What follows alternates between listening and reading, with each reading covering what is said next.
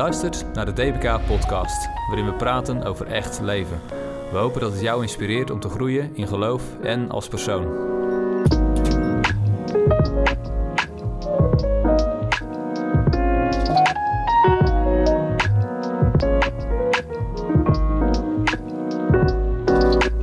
Nou, goedemorgen. Goedemorgen. Welkom bij eh, de primeur van jullie eh, eigen podcast. Ja, toch? De DBK podcast. Ja. Ik ben Laura Pelger en jullie hebben mij gevraagd om eh, wat vragen te stellen over het waarom en het wat Ja. van de podcast die gestart is. Eh, het is gestart vanuit het bedrijf Dagelijkse Broodkruimels, wat jullie samen hebben eh, opgericht. Ja. Ja. Eh, en voordat we inzoomen op de podcast ben ik gewoon benieuwd van, eh, vertel eens wat meer over jullie bedrijf. Het zou kunnen dat luisteraars het kennen van de webshop waar jullie je artikelen eh, verkopen, maar vertel eens wat meer achtergrond. Wie zijn jullie en waarom zijn jullie ooit Dagelijkse Broodkruimels gestart? Nou, ik zou zeggen, Bram, take it away. Ja. Jij bent eh, uiteindelijk de initiator, dus eh, Ja. ja, Daagse Broodkruimels zijn we gestart eh, omdat we een verlangen hadden. En dat verlangen was eigenlijk Jezus bekend te maken. Ehm, in eerste instantie eh, begon het eigenlijk als stichting. Mhm. Dus eh, vijf jaar terug, 2014. Ehm, en ja, op een gegeven moment is het gegroeid en gegroeid en gegroeid. En we kwamen eigenlijk op het punt van, hé, hey, ehm, ja, eh, we, waren, we waren aan het hardlopen in de polder. Martijn die, eh, die had een burn-out, ik had er bijna een. En eh, ja, we hadden zoiets van, hé, hey, eh, als we dit echt door willen zetten, en God als u wil dat we hiermee doorgaan, dan moet u gaan zien, in- voorzien in tijd en geld. Ehm, en God deed dat. Er was iemand die eh, wilde investeren in het bedrijf wat wij op wilden richten. Ehm, en zo, zo is het eigenlijk in heel kort begonnen. Ja, en je triggert me gelijk, want je zegt van eh, de reden dat we dit bedrijf gestart zijn is om Jezus bekend te maken. Wat Ja. maakt het voor jullie zo belangrijk om Jezus bekend te maken en om daar al die tijd en energie en het geld in te investeren? Ehm, ja, ik ben zelf inderdaad eh, een jaar of drie voordat we de dagelijkse broodkamer starten tot geloof gekomen. En voor mij had dat, eh, had het zo'n impact, zette dat mijn leven zo ontzettend op zijn kop, dat ik zoiets had van, ehm, dit is het doel van mijn leven. Ik ging dat gewoon duidelijk zien, God liet het me zien, van eh, het verheerlijken van God, het leven voor God, dat is het doel van een mensenleven. Ehm, en ik merkte ook zelf dat daar gewoon de meeste voldoening in te vinden is. En dat je, als je Jezus kent, ook pas echt gaat leven ten volle. Dat je jezelf niet meer inhoudt op de momenten Mm. dat je jezelf kan uiten. Dat je de dingen wel zegt die, ehm, die je anders misschien niet zou zeggen. Dat je gewoon het leven omarmt zoals God het voor jou heeft weggelegd. En ehm, ja, dat besef eh, zorgt bij mij zeg maar, voor de urge, voor de, voor de noodzaak om, ja, om dat leven gewoon te delen Mm. met andere mensen. Zodat zij daar ook, ja, ook dat leven kunnen leiden. Dus als, je, als ik je goed begrijp, op het Mhm. moment dat Jezus in jouw leven kwam, heeft dat je leven zo omgedraaid en ben Ja, je ineens het Ja. doel van het leven gaan snappen, begrijpen. Ja, precies. Waar ik eerst, zeg maar, aanvaarden. ja, waar ik eerst eh, echt leefde voor, ehm, ja, voor, eh, voor status. Voor, eh, bij mij was dat vooral in het fysieke, zeg maar, vanwege mijn werk bij de politie en bij de mariniers. Ehm, ja, kreeg mijn leven nu veel meer zin en ging ik zien, zeg Mm. maar, van ik heb dit altijd puur voor mezelf gedaan. En de enige die ik daarmee dien, dat ben ik. En ehm, ja, daar, daar kwam gewoon echt een radicale verandering in op dat, eh, op dat moment. En toen dacht je van, eh, dit wil ik niet voor mezelf houden. Nee, precies, daar is het niet voor bedoeld. Ja. Nee. Ja, en hoe was dat voor jou, eh, Bram? Wat maakt dat, het, dat er voor jou zo'n drive is om Jezus bekend te maken? Nou, toen ik tot geloof kwam, toen, ehm, eh, toen werkte ik bij de politie ook nog. En ehm,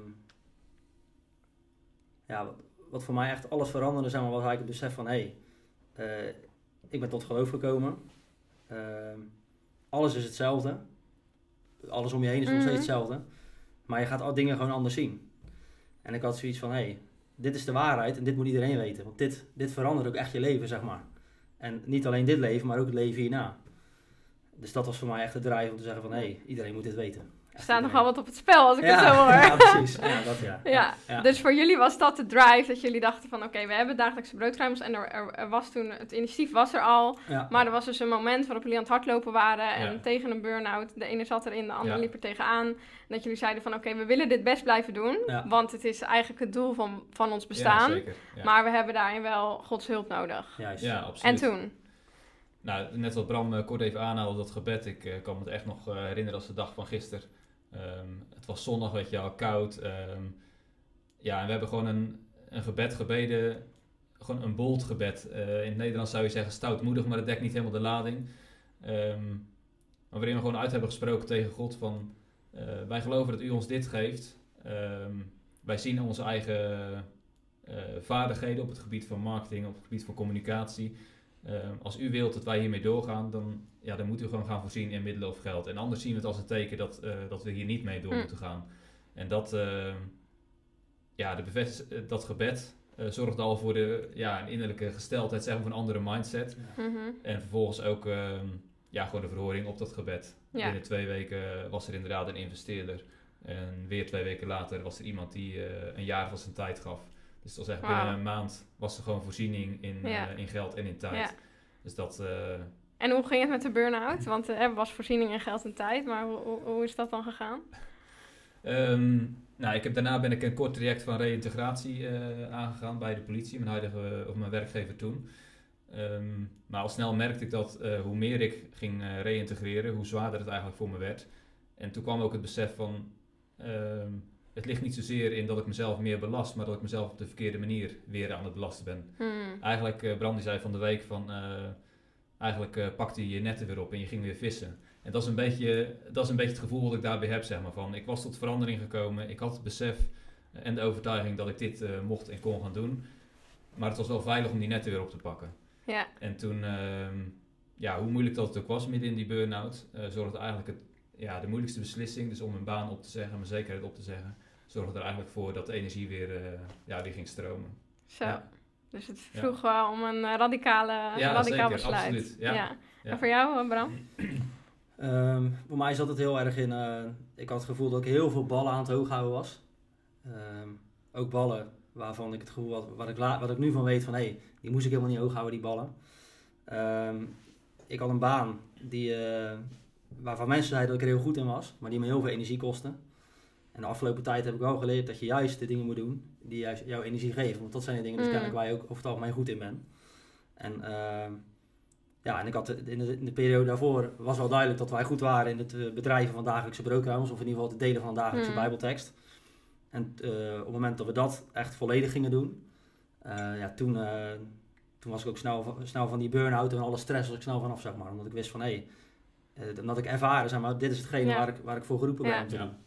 Dat. Dus even tussendoor, hè, burn-out is iets wat heel veel voorkomt en verschijnselen ervan ook. Ja. Ja. En als ik jullie zo hoor, is het gewoon ten eerste bidden van... oké, God, we willen ons leven beschikbaar stellen voor wat u wil. Ja. En ten tweede eh, ook gewoon kijken, waar krijg ik energie van? En durven te stoppen met hetgene waar je geen energie van krijgt. Want dat is Ja, volgens mij de rode draad in beide jullie verhalen. Ja. Ja. Wauw. En toen zijn jullie dus, eh, nou ja, toen kreeg het een soort kickstart, eh, een nieuwe energie. Niet alleen in jullie leven, maar ook in het bedrijf, Dagelijkse Broodkruimels. Ehm, inmiddels eh, nou ja, zijn we natuurlijk een aantal jaar verder, is er veel ontwikkeld. Ja. Eh, kunnen jullie kort vertellen waar staat Dagelijkse Broodkruimels voor en wat voor bedrijf is het? Ja, nou, wat misschien was wel leuk is om er even op in te haken, is van, ehm, ik vertelde net van ja, het ging, eh, ging heel veel energie kosten. En eigenlijk is, is dat proces, heeft zich de afgelopen jaren, sinds mijn bedrijf heeft zich eigenlijk weer herhaald. Want ja, we wilden delen mogelijk maken voor iedereen, om zo Jezus bekend te maken. En, ehm, en wat er eigenlijk de afgelopen periode is gebeurd, is van hé ja, we- dat zijn we gaan doen. We zijn heel veel kaarten gaan verkopen, heel veel gifts. We hebben een webshop opgericht en alles wat erbij hoort. En op een gegeven moment eh, kwamen we weer bij elkaar. En we hadden zoiets van, hé, hey, ehm, eigenlijk gaat het weer heel veel energie kosten. Dus, dus zijn we wel de dingen aan het doen die we echt willen doen. Ja. Hmm. En ehm, ja, dat, dat is zeg maar, eh, ehm, hoe lang is dat geleden, Tijn? Ehm, ja, dat we het bedrijf zijn gestart bedoel je? Of, Nee, eh? dat we samen weten tot dat inzicht kwamen van, hé, hey, zijn we nu wel de goede dingen aan het doen? Ja, ik denk dat dat eh, een maandje of drieënhalf terug is of zo, zoiets. Dat we echt tot het besef kwamen, daar opnieuw over na gingen denken van, eh, ja, Juist. we moeten dit anders ingerichten. Juist. Ja. Want we waren, Je- we waren wel Jezus bekend aan het maken, alleen in het delen. En we, ma- maar we maakten Jezus niet bekend eh, in de manier waarop het in onze Ja. ogen nu ook kan, zeg maar. Ja. En dat is eigenlijk door, eh, door mensen uit te dagen om echt te gaan leven. Hmm. Ja. Wauw. Dus de missie is hetzelfde gebleven, Jezus bekendmaken. Ja, ja, Maar de manier waarop merkten jullie op een gegeven moment van... hé, hey, dit kost ons ook wel energie. ja, Daar willen we een, een, een shift in maken. Ja. ja. Ja, we hebben er gewoon heel lang mee gestruggeld ook van, ehm, ja, we zijn een bedrijf gestart. Eh, hoe kijken mensen tegen ons aan als bedrijf? Ehm, had het niet een stichting moeten blijven? En voor onszelf zorgde dat voor een soort van eh, spanning intern. Van, eh, ja, het voelde gewoon niet, niet 100% helder of zo. En nu hebben we, ja, een maand of drie terug zijn we daar echt voor gaan zitten. En ehm, nou, ik denk eh, een maandje geleden dat we echt tot een, eh, tot een soort van statement kwamen van ja, dit is wat het is. En dat dit is eigenlijk van ehm, ja, onze bediening. Ehm, hoe zei je het ook alweer? Nou, Eh, onze motivatie is is, een bediening, is dienen, eh, of een, het uitoefenen van een bediening. Ja. Eh, de manier waarop we dat doen is een bedrijf en onze boodschap is Jezus. En dat is zeg Mm. maar, ja, altijd al zo geweest, alleen nu was het in één keer helder. Ja. Ja. Wauw. Ja. En eh, ik hoorde jou net zeggen van we willen mensen uitdagen om echt te leven. Ja. Wat, hoe ziet dat eruit? Mensen uitdagen om echt te leven. Ehm goeie vraag. Ik denk dat ehm, ehm, echt leven, dat is in onze ogen een leven waarin je groeit als persoon en in geloof. Waarin je uitgedaagd wordt om te delen en waar je in verbinding staat met de mensen eh, binnen het lichaam van Christus, Mhm. maar ook daarbuiten. Op de plaats waar jij bent gesteld. Dat is echt leven. Mm. Ehm, en waar we eerst heel erg zaten op, dat, eh, op het delen. Dus ehm, op het delen van bijbeltekst, op het delen van waarheid. Om zo mensen, om zo Jezus bekend te maken. Zitten we ehm, nu, eh, dat doen we ook nog steeds dat stukje zeg maar. Maar we zitten nu ook veel meer in, in mensen uitdagen om echt te gaan leven. Hm. Omdat we geloven zeg maar, dat eh, mensen die eh, ten volle tot leven zijn gekomen, die echt leven Mm. die vertegenwoordigen op de plaats waar zij zijn gesteld. Ehm, of tenminste, daar, die, die mensen die maken ten volle op de plaats waar zij zijn Jezus bekend. Ja, En dus zij, ze, ze, eh, ze, ze ontvangen eh, voeding en eh, ze ontvangen inzichten om echt te leven, zodat ze volgens op de plek waar, waar, waar zij zijn Juist. en waar zij voor geroepen zijn, dat ze daar vanuit hun volle potentieel Jezus bekend kunnen Ja, maken. precies. Ja. Ja, daar willen ze in ieder geval toe triggeren. En Ja. zeker ook met deze podcast willen mensen daarmee gewoon, ja, gewoon inspireren en uitdagen om dat ook te gaan doen. Ja. Juist. Ja. Ja, nou dat Ja. was inderdaad mijn volgende vraag. Ja. Want Ja. wat, voor, wat voor rol heeft deze podcast dan in dat eh, ja, mensen eigenlijk uitdagen om echt te leven? En ja, wat heeft jullie eh, getriggerd om deze podcast eh, te starten?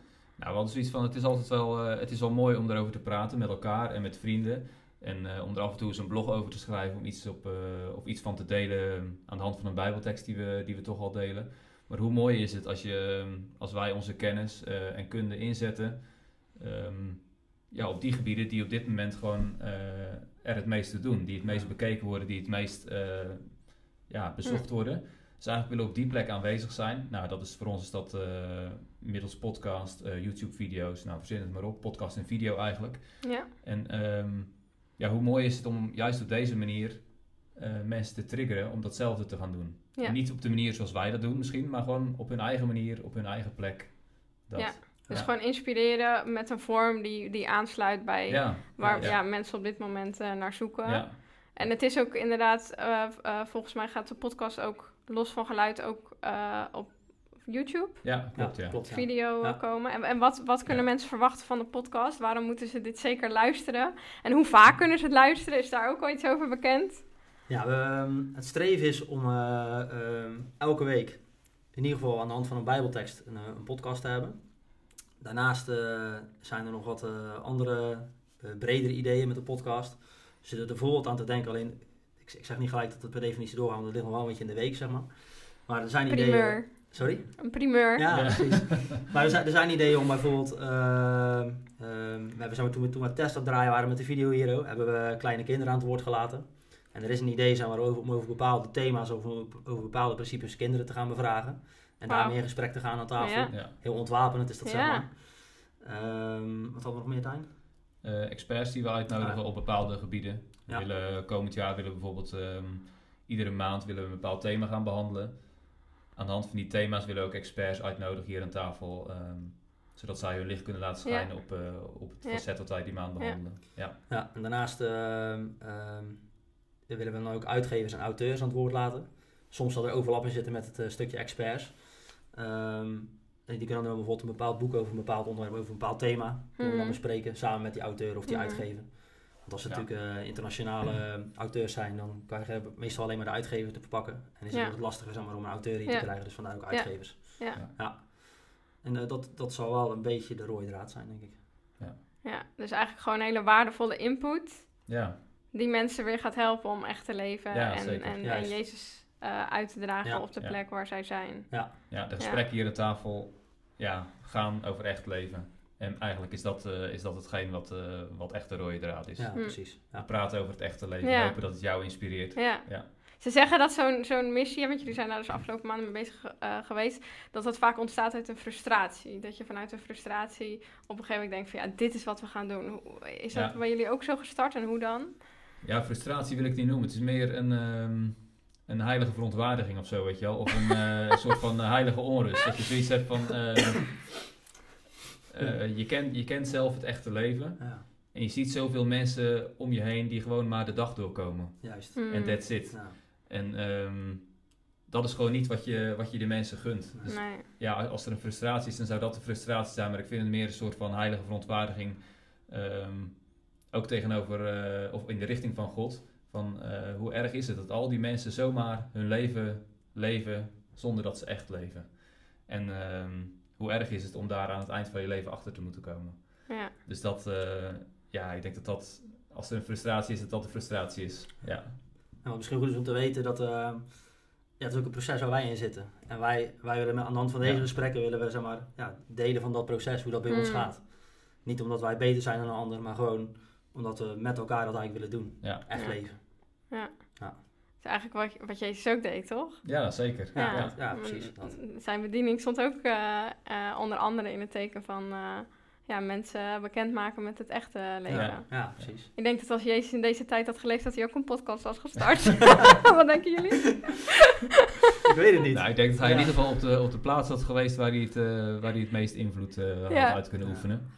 En ehm, ja, voor hem was dat, eh, was dat die twaalf discipelen en die hebben het vervolgens ook op hun eigen manier weer gedaan. Ja, Eh, Paulus zocht heel strategisch eh, de beste steden uit zeg maar, om zijn nieuws te brengen.